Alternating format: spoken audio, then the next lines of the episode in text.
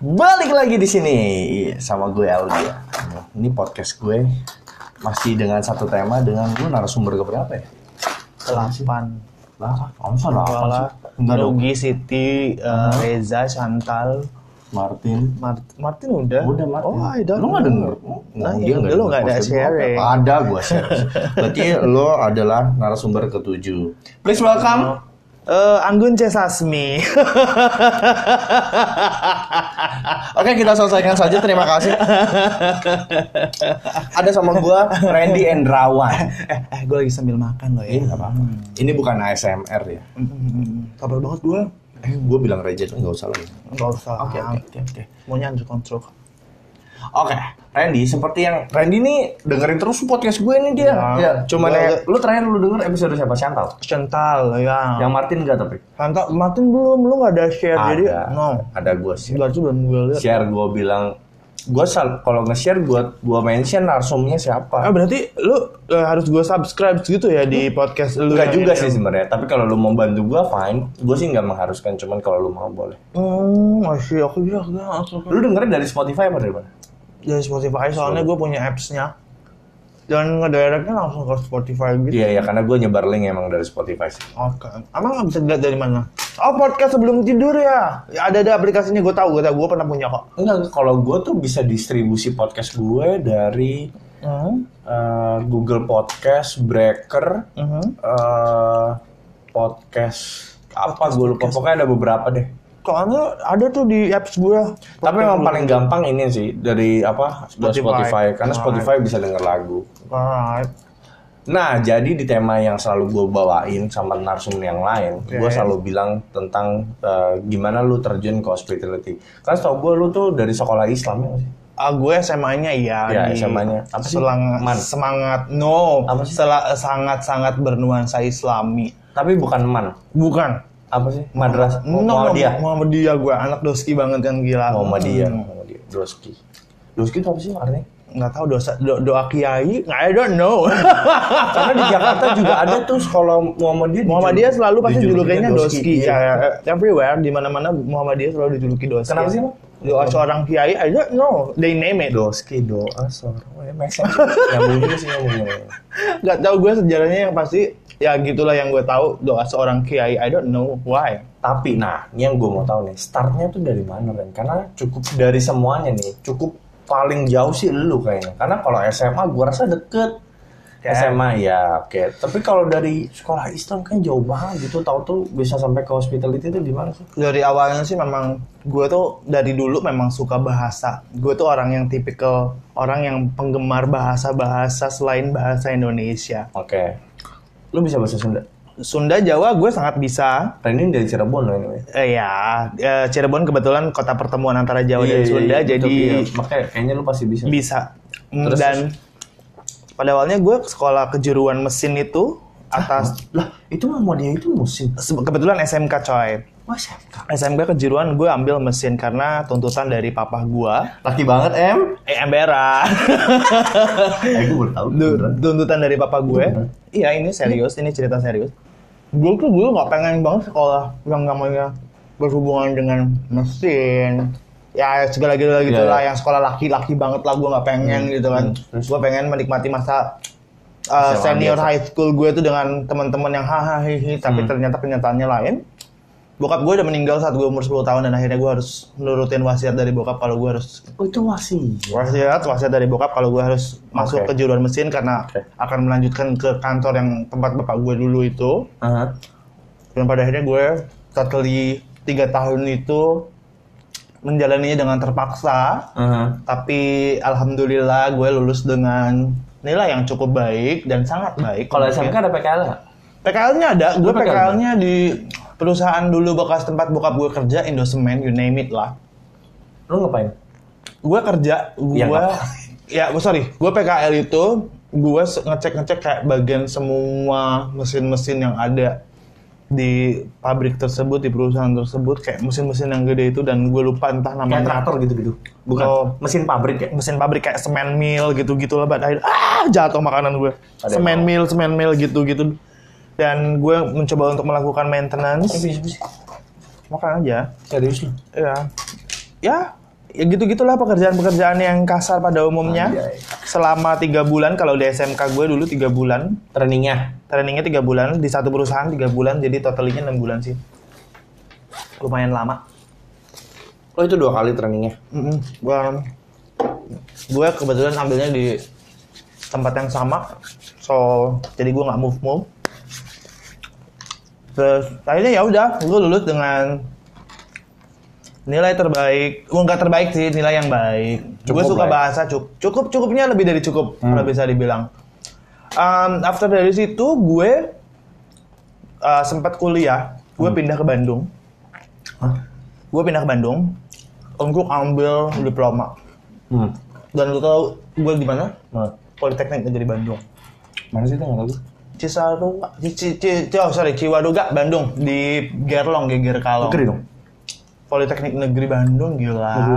ya gue ambil yang mesin cuman gue grade-nya mesin waktu- lagi? oh ambilnya waktu itu ada pilihan dua mesin sama teknik kimia pilihan keduanya teknik kimia di mesin gue nggak masuk karena mereka itu fakultas favorit di mesin itu jadi akhirnya gue ambil yang chemistry Hah, chemistry kimia? teknik kimia Oh, kimia, kimia. kimia itu chemistry kan Eh, gue nggak kuat lah tuh akhirnya tadinya mau ambil D4 karena orang-orang teknik itu kan nggak punya sarjana satu atau S1 kan Iya, vokasional soalnya. mereka Ya, semua langsung juga D4 Hmm, heeh. hmm. tapi akhirnya gue nggak bisa dan gue nyelesainnya sampai diploma satu saja Hmm. akhirnya dari situ gue kerja lah Nah, lagi gue di Cirebon Kerja pertamaan lo. Se- sebagai admin di pabrik salah satu pabrik bakery Tahun berapa? Sejak 2008 2008 Yang gue masih SMA tuh.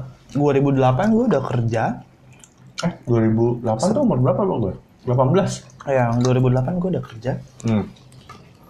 Dan ini klien 8, 80 ya Randy ya? 88 anjay gila lu tua banget gue terus kerja kurang lebih setahun Hmm. terus ngerasa ini bukan passion gue so, akhirnya gue Gaji pertama lo berapa? gila UMR Cirebon itu cuma 2008. 2008 cuma 600 ribuan Terus lu? Sejuta lu pak? nggak ada sejuta sejuta aja nggak dan itu pun udah lumayan gede ya waktu tahun 2008an itu buat gue Tapi living cost Cirebon juga nggak living cost Cirebon juga murah banget Terus akhirnya gue ini sausnya disedot bang. iseng gue tanya gue punya temen yang kerja dan dia sempat nawarin kerja gue gitu kan cuman gue belum sempat hirauin kon gue kontak lah dia melalui Facebook karena gue nggak punya nomor teleponnya dia kayak temen dari temen gitu kan maksudnya you know ya akhirnya Randy Cendi selalu. akhirnya gue Ketawanya jaim banget. Semua yang gue interview gitu. Dihadapin Jaim, jaim Iya, ya? Jaim ya. Iya, Gue iya. mengakui jaim gak ketawa lo. eh, mengakui banget karena demi konten kan konten lu terus ya udahlah akhirnya singkat cerita gue ditawarin kerjaan sama nih temen gue namanya Ata yang sekarang sama-sama satu payung dengan kita juga Oh, Atta ini. Ata itu orang dia- Amir yang Amir iya Oh. Ata itu adalah orang yang pertama mengajak gue kerja di Jakarta Lalu lu kenal Atta dari mana? Karena temannya temen lu. gue punya temen temen gue ini waria temen waria temen Kita gue bisa tahu pergaulan Randy ya. Dia bilang temennya waria. temennya ya. bencong bencong bencong gitu tapi baik banget bencong bener-bener bencong. Udah dandan udah apa. Nah teman gue ini eh tapi teman gue udah meninggal coy. Ya allah maaf ya maaf. Sorry sorry sorry sorry. Terus nah temennya ini punya sahabat. Nah sahabatnya ini pacarnya Ata Oke. Oh, oke. nah ini udah kenal lah gue sama Ata gara-gara pertemuan itu singkat cerita. Gue 2009 meneliti karir pertama kali di Jakarta. Di hospitality. di hospitality. Dan gue nggak tahu itu pertama kali dia bilang lo mau nggak kerja? Jadi apa? Lu janjiin kayak di desa-desa gitu nggak? Enggak, Tapi kamu dapat uang Enggak. banyak, taunya dijual. dia harus tipikal orang yang realistis sih kalau buat gue. Kayaknya cuma bilang ya udah kerjanya di dunia perhotelan. I see. Lu bisa apa? Dia bilang kan bahasa Inggris bisa nggak? Bisa sedikit sedikit Hmm. akhirnya dari situ gue coba untuk ngelamar dibantuin sama dia juga surat lamarannya yang secara proper dalam bahasa Inggris dibantuin Atta waktu itu udah kerja di mana? atau waktu itu eh, di salah Jangan satu apartemen di daerah Sudirman tempat pertama kali gue kerja juga di situ hmm? Mana sih? Ada deh ntar gue kasih tahu. Gua 2009 itu gue tiba di Jakarta di bulan Oktober. Gue inget banget, gue waktu itu cuman gue cuman waktu itu di Jakarta untuk interview doang. Kira-kira tiga hari habis Itu base lu masih di Cirebon. base gue masih di Cirebon. Terus ya udahlah satu kurang lebih satu minggu kemudian gue dipanggil dan jabatan pertama gue adalah bellman dalam dunia hospitality. Enggak apa, bagus. Gue jadi bellman, Tapi itu di service apartment. Iya, macamnya kayak si TR TR gitu lah tenant relation, tapi gue bagian uh, bellman-nya. Hmm. Di situ gue ngerasa ya udahlah, mungkin rezeki gue gini. Gaji pertama gue itu satu juta tujuh ratus lima puluh. Luar tip. Lu, tip. lu udah tahu tip tuh di situ. Belum, gue nggak tahu tip waktu itu. Pas lama lama kerja ya, ya udahlah. eh, tipnya memang ada kalau nganterin barang, nganterin dokumen gitu-gitu ke Hmm. Seneng ke unit ya kita Tip bilangnya seneng? unit. Sen- seneng, seneng, ya seneng lah, seneng, seneng, seneng banget.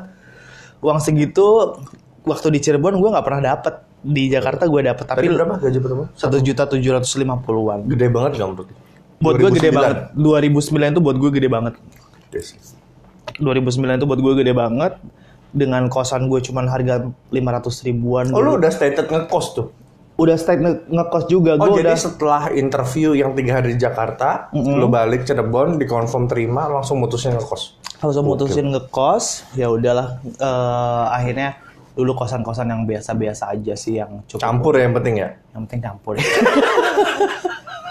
ya udah dari situ nggak lama karena gue ngerasa gue pengen belajar lima bulan kemudian gue dinaikin jadi tenant relation di salah satu apartemen di situ Masih di tempat yang sama kan? masih di tempat yang sama kurang lebih gue dua tahun setengah gue ada di situ gue memutuskan untuk pindah di 2013 kalau nggak salah. Wah gila lama banget men. gue hampir hampir tiga tahun dua tahun lebih sih tapi nggak nyampe tiga tahun sih nama itu tempatnya? Coba ketikin? nih.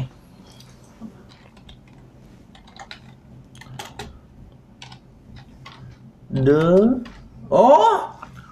Ini. Iya. Oh ini. Ini lah ini satu tempat sama Fraser juga men Iya kesebut loh. Dan yang disebut. Ya, ini ini salah satu kayak tipe kondo gitu loh yang owners own by owners gitu loh. Dia PPRSH Anjing juga. lama banget. Dari 2009 sampai 13. 2013 akhirnya setelah itu gue move memutuskan untuk kayaknya gue nggak nggak mungkin di apartemen terus karena banyak informasi mengatakan bahwa dunia perhotelan itu luas lu harus coba di dunia hotel yang bener-bener hotel yang Iya, tamunya Hmm. pulang keluar masuk. keluar ya. masuk dan ya gitu gitulah Tapi selama di reception itu lu ngalamin check in check out? Enggak. Enggak sama sekali gue nggak pernah handle check in check out. Gue hanya cuma handle take care yang ada di dalam aja. taking care of complaint, handle handling complaint, bla bla bla bla bla bla. Akhirnya gue memutuskan di 2013 itu Pindah, ke Pindah. yang Sarina. bukan. Ya kok Sarina di Tamrin dong. Eh iya. Itu yang Intercontinental Hotel Groups itu salah satu uh, hotel Intercontinental kan Hotel Groups. apa namanya? Eh, HOL. Yang ini loh, UL. iya iya iya. iya. Ah. Express kan? yang express Iya. betul. Dari situ gue bener-bener belajar. Gue jadi pre-opening tim di situ. Oh lu POP situ. Iya, pre-opening tim gue dari 2013 dia buka. 2014 eh 2013-nya dia buka. Gak lama tiga bulan setelah kita jadi Join. eh, join itu soft opening Mhm. dan buka gitu 2013. Lama lu situ. Tiga tahun gue di sana. 13 sampai 16. Iya, 2016. Tunggu, gua mau back ke yang tempat pertama. Dari eh tapi kan di situ nggak check in check out ya. Gue mau nanya pas pertama kali check in check out. Berarti di tempat express ini lu pertama kali check in check out. gue bener-bener di build bener-bener dikasih tahu how to handling check in and check out harus explain tentang apa aja gitu kan karena di hotel ini tuh pun uh, receptionistnya itu multitasking lo business center lo handle restoran lo handle breakfast lo handle Pusat sampai break. kitchen lo handle FO temanya pun budget sih? handle bar lo handle ha Temanya budget nggak sih? Enggak. Kalau dibilang budget sih itu bahasa Indonesianya kayak hotel budget gitu ya. Tapi kalau dia nggak mau menyebut dirinya budget karena dia tuh bintang 3 plus dia bilang. mereka menamakan dirinya self service Oh. gitu. Troli bawa sendiri, minuman bawa sendiri. Tamunya bawa sendiri. Kita punya vending mesin, kita nggak punya bellboy, kita cuma punya resepsionis 24 jam, security 24 jam, dan kitchen dan restoran hanya untuk breakfast saja. Udah. Dan meeting room hanya sekitar untuk 20 Kecil. orang kecil. Berarti kamar memang dijual. memang kamar gitu kan. Mereka memang kayak untuk pebisnis-pebisnis yang memang hanya untuk tidur, Tidur, saja iya, iya. gitu kan. Dan sarapan tidur udah kalau ke kerja. Penuh terus. Setiap hari penuh. Dan lu tahu nggak? Gue dari yang namanya kerja di apartemen Oh, ke hotel tersebut gaji gue sebagai resepsionis di angka 12 juta lebih. Total take home pay 2013, Selam- 12 juta. 12 juta. 11, Kalau gaji terakhir lu di 11 apartemen berapa tuh? Gaji terakhir di apartemen. gaji terakhir di apartemen tuh 27 apa 25 gue lupa. 2 juta 700. 2 juta 700 sampai 2 Terus juta. lu tahu-tahu langsung ke 12. langsung ke 12 gue shock banget dan Langsung hedon lu? tiga tahun gue kehidupan gue di Jakarta pertama kali hedon pertama kali berkelap kelip itu di situ tapi ya dari tapi dari situ gue bisa beli rumah di kampung ya sampai sekarang gue udah punya rumah sendiri alhamdulillah gitu kan 12 juta. tiga tahun lu bayangin gaji gue selalu dua digit di tempat tersebut kerjaannya capek capek banget karena semua dihandle kan oh business center front office FB restoran Dia kitchen. servisnya pro rate apa?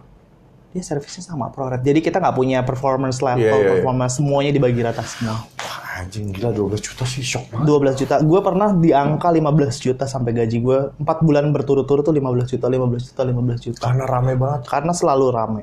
Dan nggak pernah yang namanya nyentuh 80% selalu 90% ke atas. Cuman 101 kamar lu bayangin nggak? Lu waktu yang tragedi banjir HI itu kena nggak? oh enggak itu gue udah Udah cabut. udah cabut kayaknya. Itu tahun berapa sih? Gue lupa banget deh. Tapi yang pasti nggak sampai masuk ke hotel gue waktu itu Karena di properti gue yang lama tuh kena.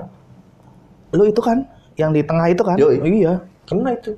Tapi gue posisi belum kerja di situ. Kayaknya 2012 sih. Lu belum berarti. kan gue aja buka 2013 Oh iya, ya, coy. belum, belum. belum belum ada kayaknya nggak ada deh ya udah dari sampai situ akhirnya gue ketemu salah satu tamu reguler gue di tiga ta- di hampir tahun ketiga gue ketemu dengan tamu reguler gue dari Malaysia Hmm. Dan dia kayak nawarin opportunity yang lumayan Jadi gadun lu lah ya. kasarnya dia suka gue tapi gue nggak tahu gitu kan gue coba coba menjadi profesional person kan dalam kerjaan walaupun ujung-ujungnya gue follow up kan anjay ya abang-abang gitulah dia cukup menarik Dia nggak bawa lu ke mana? dia ngebawa gue ke Kuala Lumpur which is gue pernah bekerja di Kuala Lumpur iya, iya. di Itu berapa salah- lama? Seharusnya kontrak gue tuh satu tahun. Tapi? karena gue nggak betah, sorry ya.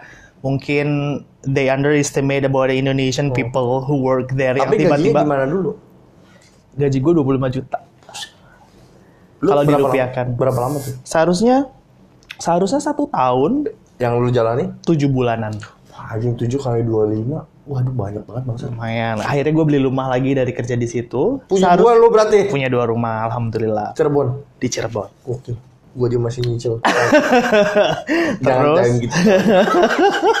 Gak apa-apa, semuanya kan lunas pada waktunya gitu kan. Anjing 25 tahun, Ren. Iya, eh 20 tahun. gila nggak apa-apa lah yang penting mah ikhtiar dulu kan ya gue mah karena beruntung aja mungkin ya jalannya seperti itu Terus, terus. ya udah akhirnya gue suruh bayar penalti waktu itu 100 juta cuman karena kontrak ya karena mungkin Lu berarti udah pernah ngalamin ada kontrak namanya kalau eh, lu sebelum kontrak habis Iya. cabut lu udah udah tahu Iya, ada gitu. penalti gitu. Gue ini pertama kali. gue udah tahu di sana dan lebih kejamnya lagi mal- di sana itu tiga kali dari gaji yang lo terima di gitu Sisa kontrak dikali tiga nggak nggak sisa kontrak pokoknya dia hitung-hitung proret apa terus dikali tiga gitu kan Sampai berapa waktu lu bayar? Eh, hampir 100 juta waktu itu. Ya udahlah terus akhirnya di wave sama orang yang suka Oh, sama jadi nggak bayar? nggak bayar. Anjing. Tapi asal gue, you know lah, tuh dipakai lah ya. bukan dipakai, gue yang pakai. Dia dia minta ber Randy ini topi ya. Iya, tapi saya bundar gitu kan. ya udahlah Ul, dari Dari situ. gue banget nggak mau dibotin. Iya anjay. Dari situ lah Ul, gue sempet akhirnya gue balik ke Jakarta lagi dengan eh, dengan numpang sama teman beberapa minggu dan ya udah akhirnya gue cari-cari kerjaan gue diterima tuh di tempat yang kemarin kita Yang suka gua teleponan. teleponan suka malam teriak-teriakan yo Randy kalau never Randy sejam bangsat anjing. Coba cuma comparison doang bangsat ngalur gitu ngobrolnya sampai sejam kan Ul. dari itu gue kenal sama lo Iya. kan gue tiga tahun di sana di bulan-bulan pertama gue selalu menjalani shift yang reguler pagi Oh iya, iya, siang gue tahu nih cerita. tapi setelah itu ya gue Dibantai malam terus. dibantai malam Udah, udah, terus udah. dengan syarat gue minta libur sabtu minggu seperti orang kantoran gitu kan Oh lu ngasih itu apa? eh, Awalnya satu tahun pertama itu seperti itu. Gue menawarkan diri gue yang akan melakukan night shift terus selama satu minggu penuh. Tapi gue konsekuensinya lu libur Sabtu iya, Minggu. gue minta libur Sabtu Minggu gitu kan. tapi cuma setahun pertama doang. Setahun pertama, tapi tahun kedua itu jadi di extend dan gue ditambahkan uang Iya. Allowance night ya? allowance-nya ditambahkan. Tahun ketiga itu gue mau dinaikin sebenarnya jadi spesialis net auditor Hmm. permanen yang permanen gitu kan. Ya gitu-gitu lah akhirnya tapi gue keburu nggak betah dan keluar karena waktu itu masa pemerintahannya berganti dan tidak sesuai dengan apa yang gue Tapi, nah nih, oke. Pertanyaan gue, dari setiap industri perhotelan yang lu jajaki, Hmm. lu tuh dapat link eh, apa? Link kerjaan tuh dari mana? Hmm, Yang pertama, yang ini nih, yang masih digambar. yang masih digambar ini ya itu karena teman ketemu temen kan. Oh temennya Ata tadi ya? Hmm, temennya Oke. Ata. Eh, habis dari situ tuh gue Terus yang di Tamrin. kedua ini yang ke Tamrin ini memang kayak punya temen gitu loh kenalan yang eh ada hotel mau baru buka, Oh, lu udah oke. pernah belum? Sini kasih CV-nya ke gua gitu. Tapi dia orang dalam juga, apa enggak? Oh dia di luar dari manajemen itu sebenarnya, tapi dia kenal sama orang HRD tersebut. Berarti istilahnya dia sebenarnya cuman perannya cuman nganterin CV Peran- lu ke dia doang. Iya, cuma nganterin CV teman gue lagi butuh nih. Hotelnya hotel apa? Iya coba dulu deh, lu belajar deh. Lu katanya mau ngembangin sayap lu ke dunia perhotelan. hmm. Terkenalin lah dari situ. Nah dari Fraser, eh, dari Fraser, dari dari Tamrin maksud gue, gue langsung loncat lagi ke Sudirman, which is nggak beda jauh sama tempat yang ini digambar. Dan gue cuman bilang, Nah, nah ini udah kalau dari dari apa tadi yang opening team yang Express terus ke eh, tempat terakhir itu gimana dapat linknya kebetulan kan gue masih punya konektivitas dan eh, di sini di tempat di pertama. Twin Tower ini sama tempat kerja yang ketiga gue itu Ini bukan namanya kan? Ya, ya namanya bener yang ini, tapi ininya ininya Bukan. bener, cuman tapi tidak pernah disebut gitu Oh, kan. ya udah. Yang Twin Towers Oke. ini masih punya koneksi karena di situ tuh temen gue tuh membusuk, Banyak. menua di situ semua di kantor itu semua. Oke. Dan gue tuh yang salah satu orang yang nggak pengen di zona nyaman sebenarnya. Oke. Tapi ya gue nggak tahu ya orang keputusan gue bener apa enggak. Tapi yang pasti waktu dulu itu gue sangat money oriented orangnya gitu kan karena gue ya gue tahu Jakarta itu keras gitu kan dan panas Lagian living cost-nya juga gede kan? yes of course dan dari situ ya udah gue akhirnya tanya-tanya tanya-tanya tanya ternyata di yang ini yang di sebelahnya ini yang hotelnya ini yang service residence-nya ini Hmm. ada yang kosong dan gue akhirnya mencoba menghubungi lewat telepon karena sebelumnya juga karena memang satu area gue udah kenal sama orang-orang semua di Hmm. Situ. Hmm. Iya di sebelahnya ini udah kenal akhirnya ya udah kirim aja CV lu Dapat. Kirim satu minggu kemudian interview langsung dipanggil gue kerja di situ Kalau gua track nih eh kerjaan lu tuh lama-lama ya? Maksudnya nggak sebentar-sebentar, yang pertama pernah setahun. Kedua tiga tahun.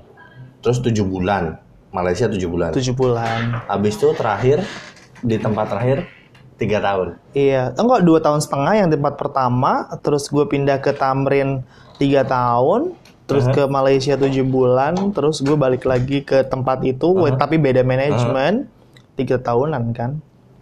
Track-tracknya memang lama-lama. Gue tuh kayak tua di dunia front office sih sebenarnya. Tapi tapi emang gue gue lupa gue bahas sama siapa. Gue bilang tapi good point juga kita nggak nggak langsung pergi-pergi gitu.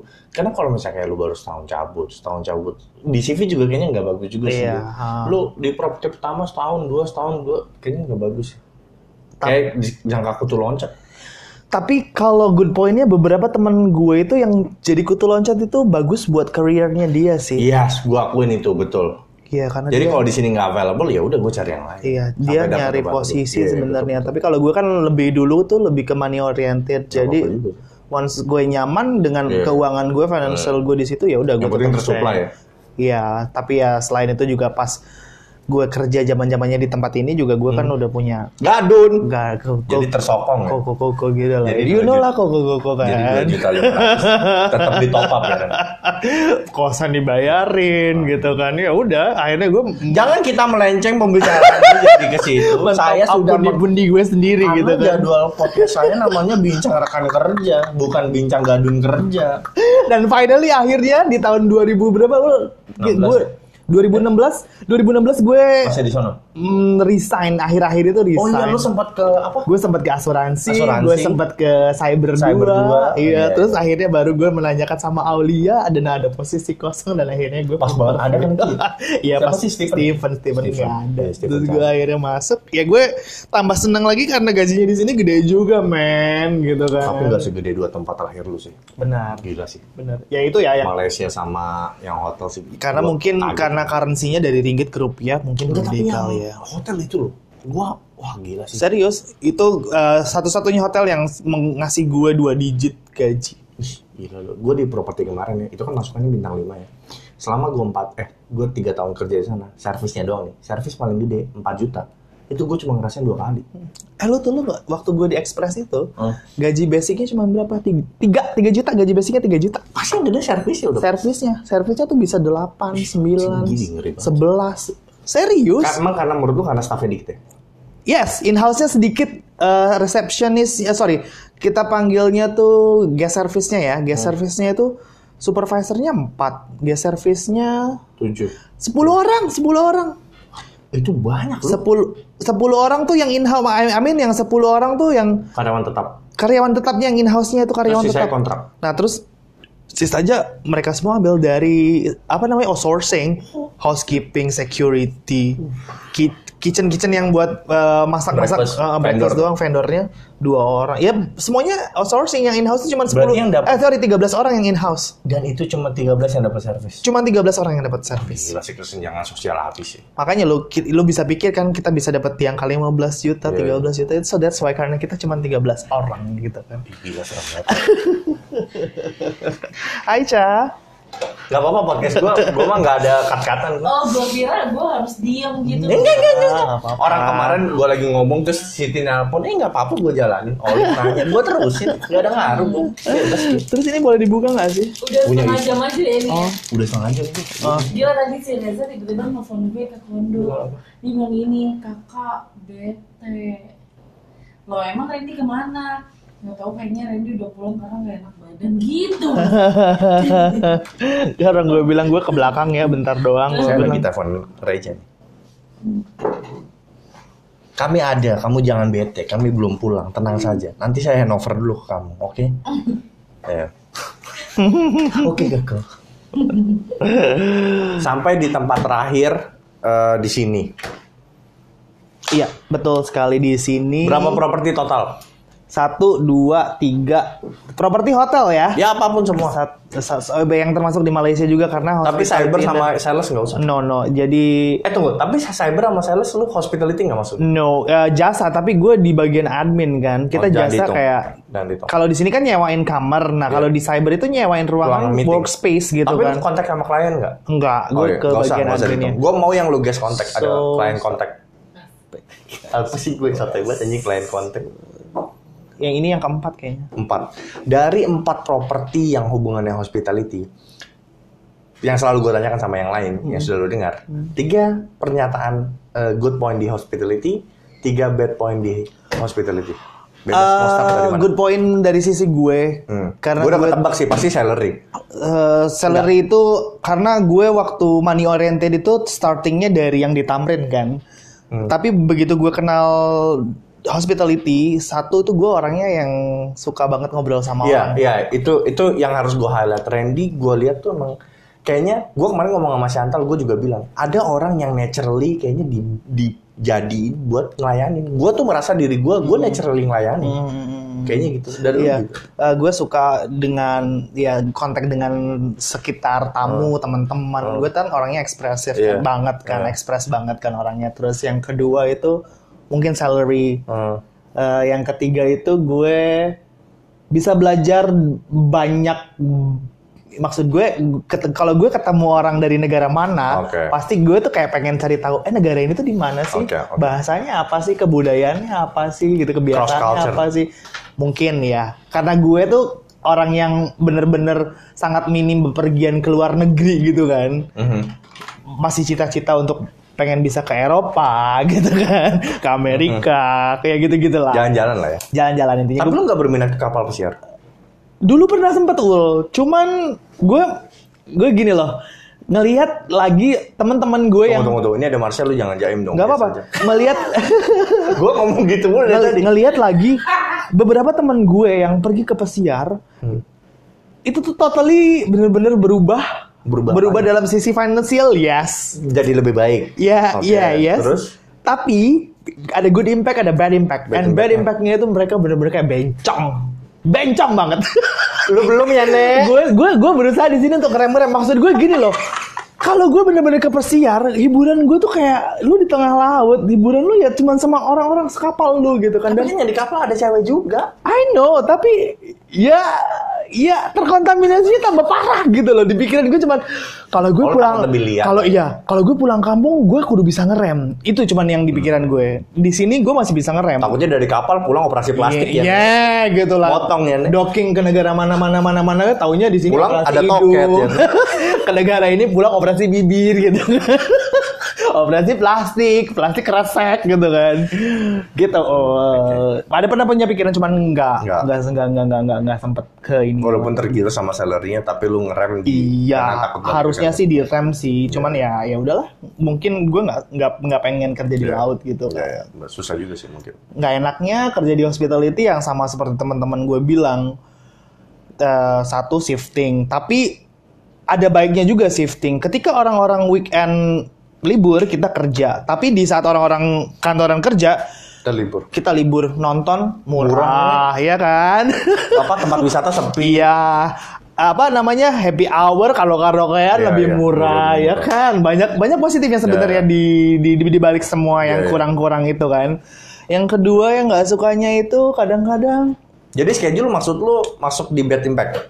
Eh, schedule sih kadang-kadang good kadang-kadang bad ya tapi ya gue sih lebih milihnya karena gue beberapa tahun terakhir ini tidak menyukai night shift so I will say that shifting Oke. apalagi yang di night itu oke. it's a worst nightmare Oke, for me gitu oke. kan yang ketiga sama mungkin kayak jawabannya Kayak Aldo ya, Apa? nggak suka night shift. Iya, lu nggak karena gue terlalu banyak apa namanya Ca udah ngalamin di Iya, di, iya. di tempat itu gue tiga tahun berturut-turut jadi night shift terutama di tempat terakhir kemarin. Iya, muak kan, Iya. muak kan. Terus yang ketiga, ya itulah yang sama kayak teman-teman kemarin bilang yang handling komplain yang tamu-tamu demand, masuk akal. tam- demanding, Iya, nggak masuk nggak masuk, akal. Itu sih yang kayak Oh my god, lu kayak baru pertama kali nginep di hotel Iya, iya, gitu iya. loh. Iya, iya. Semua tuh kan bisa di solve dengan baik Iya, gitu iya. kan, dengan cara Setuju. ngomong baik. Lu pengennya apa? Hmm. Kok lu kasih kamar gue kayak gini? If Iya. the situation kan lu Iya. kasih kamar gue yang mungkin kurang proper gitu loh. Jadi Ya, kayak sense. kesannya tuh gue yang tidak berpendidikan ketika berbicara dengan orang-orang seperti itu tuh jadi cerminnya kebalik gitu loh. Oh, harusnya mereka yang harusnya kita. gitu. iya, harusnya mereka yang educate kita, bukan kita yang educate mereka. Maksudnya mereka tuh dengan educate ngasih contoh gitu ya. Iya, maksudnya mereka tuh yang kayak oh lu lu bisa bayar kamar dengan harga jutaan, Mm-mm. tapi kok cara lu kayak Nah, gitu, kayak orang gimana gitu. Iya, iya. Sampai pun gue kalau misalkan berandai-andai kalau gue jadi mereka dan gue tahu kerasnya jadi seorang hotelier Hmm. kayak mana gitu kan, gue nggak akan berlaku seperti ini gitu kan. Ya, understand. Itu sih. Memang biasanya gitu sih kalau kita yang kerja di jasa terus dijasain balik, kayaknya kita lebih pengertian. Iya, iya, karena kita tahu kan Iya, rasanya gimana? betapa Iya, iya. mm, gitu kan.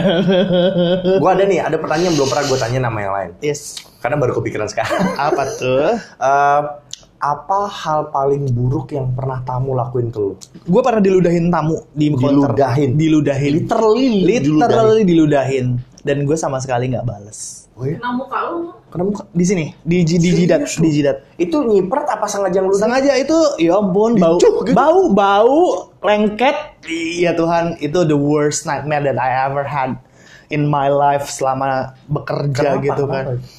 Waktu itu, eh, oke, di properti yang kedua ini, eh yang ketiga sorry. Oh, ya? Ketika itu, yes, waktu itu zamannya AC itu bangunan itu sudah lima tahun dan lima tahun itu sudah waktunya AC itu di AC indoor dan outdoor itu diganti. Hmm. Ini long stay gas man, dan bener-bener yang waktu itu uh, superior gue lagi break Hmm. dan gue nggak ada apa-apa dan AC-nya tuh tidak kunjung juga Betul. betul. Mhm. Dan pada akhirnya mungkin gue lagi sial, gue di Nggak mandi wajib ya, nggak tahu lah ya mungkin dulu nggak gue nggak kenal mandi junub itu akan melindungi seluruh hari-hari lo dari keburukan kan?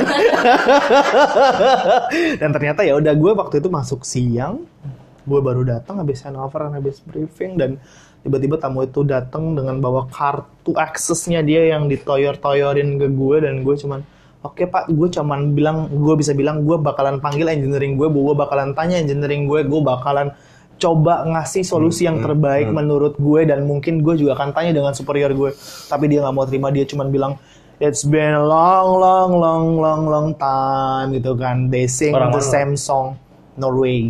Oke, jadi buat orang-orang Norway bisa nih kalau ada ini ada yang jelek negaranya. Nih. iya Norway dan kayak orang Norwegia tuh kayak orang militer gitu juga kan ya. Oke, jadi buat militer.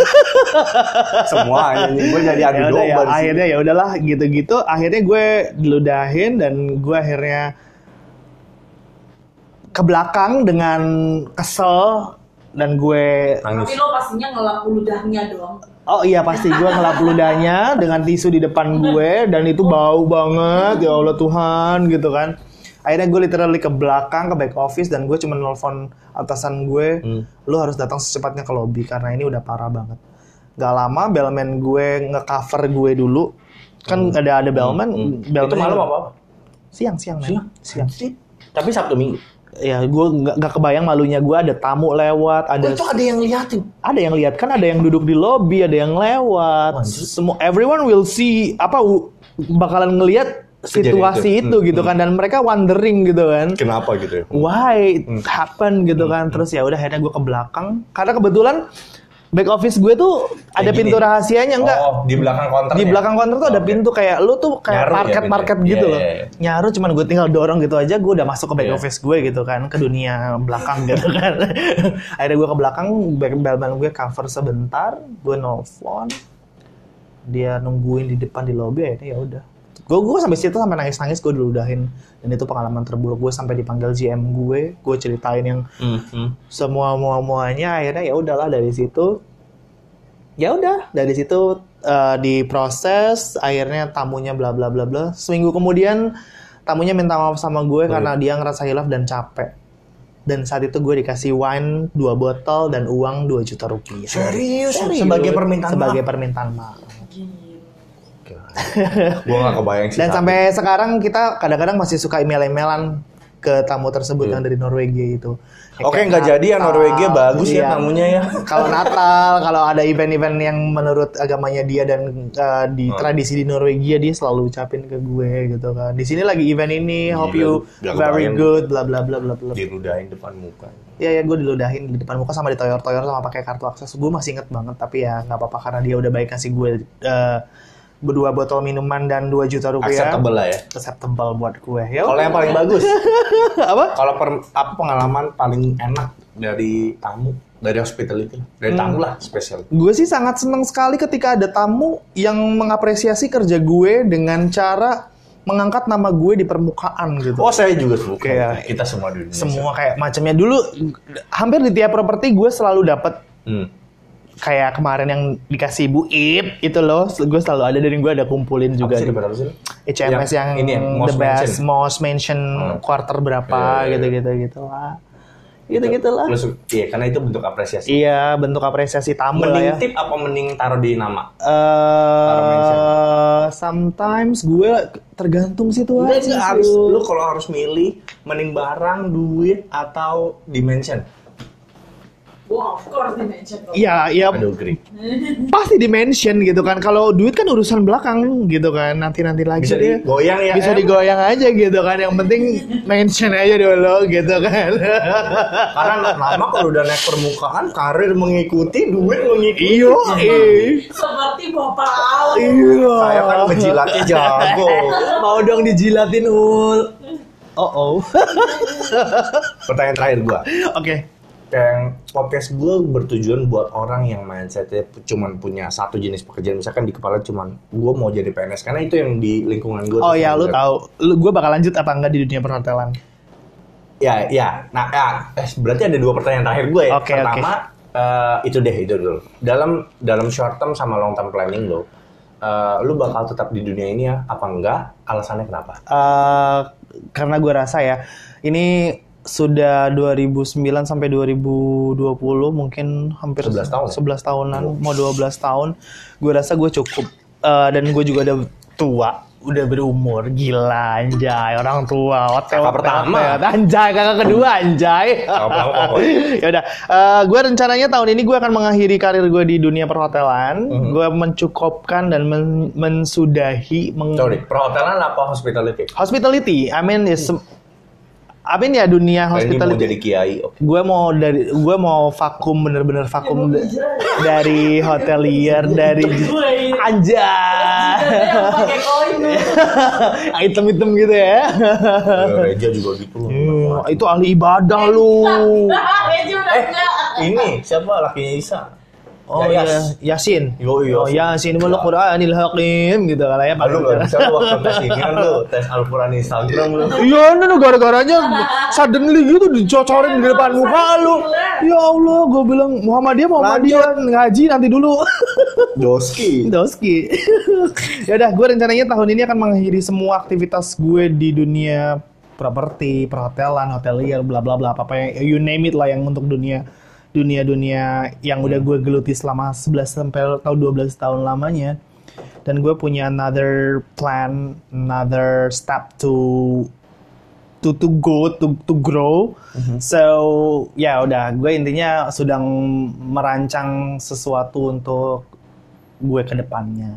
Oke So Good. jadi gue sih luck. setting sama dunia properti kayak gini dunia hotel. Ngebangun dulu banget ya Ngebangun banget gue, ngebuka mata gue, ng- ngebuka jendela wawasan gue lagi. Hmm. Temen-temennya pun bermacam-macam.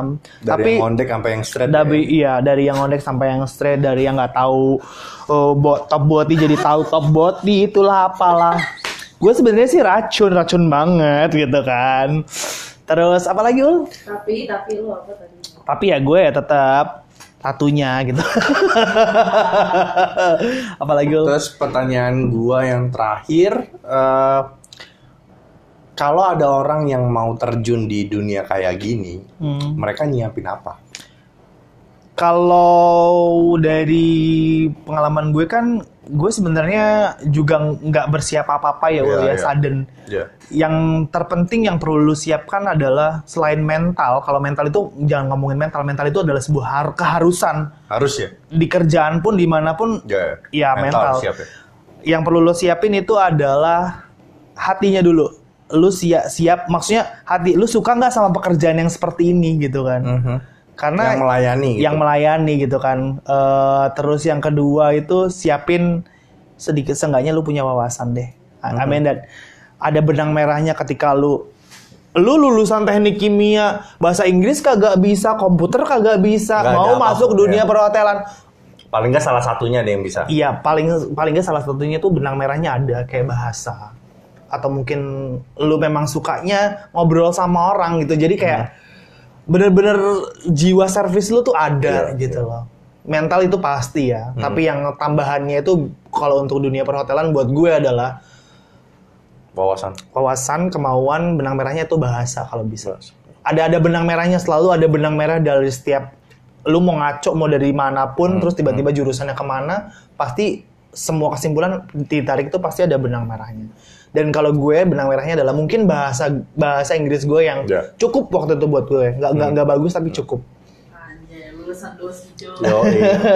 eh gue dulu bahasa Arab bisa. Grammar Nazi yo.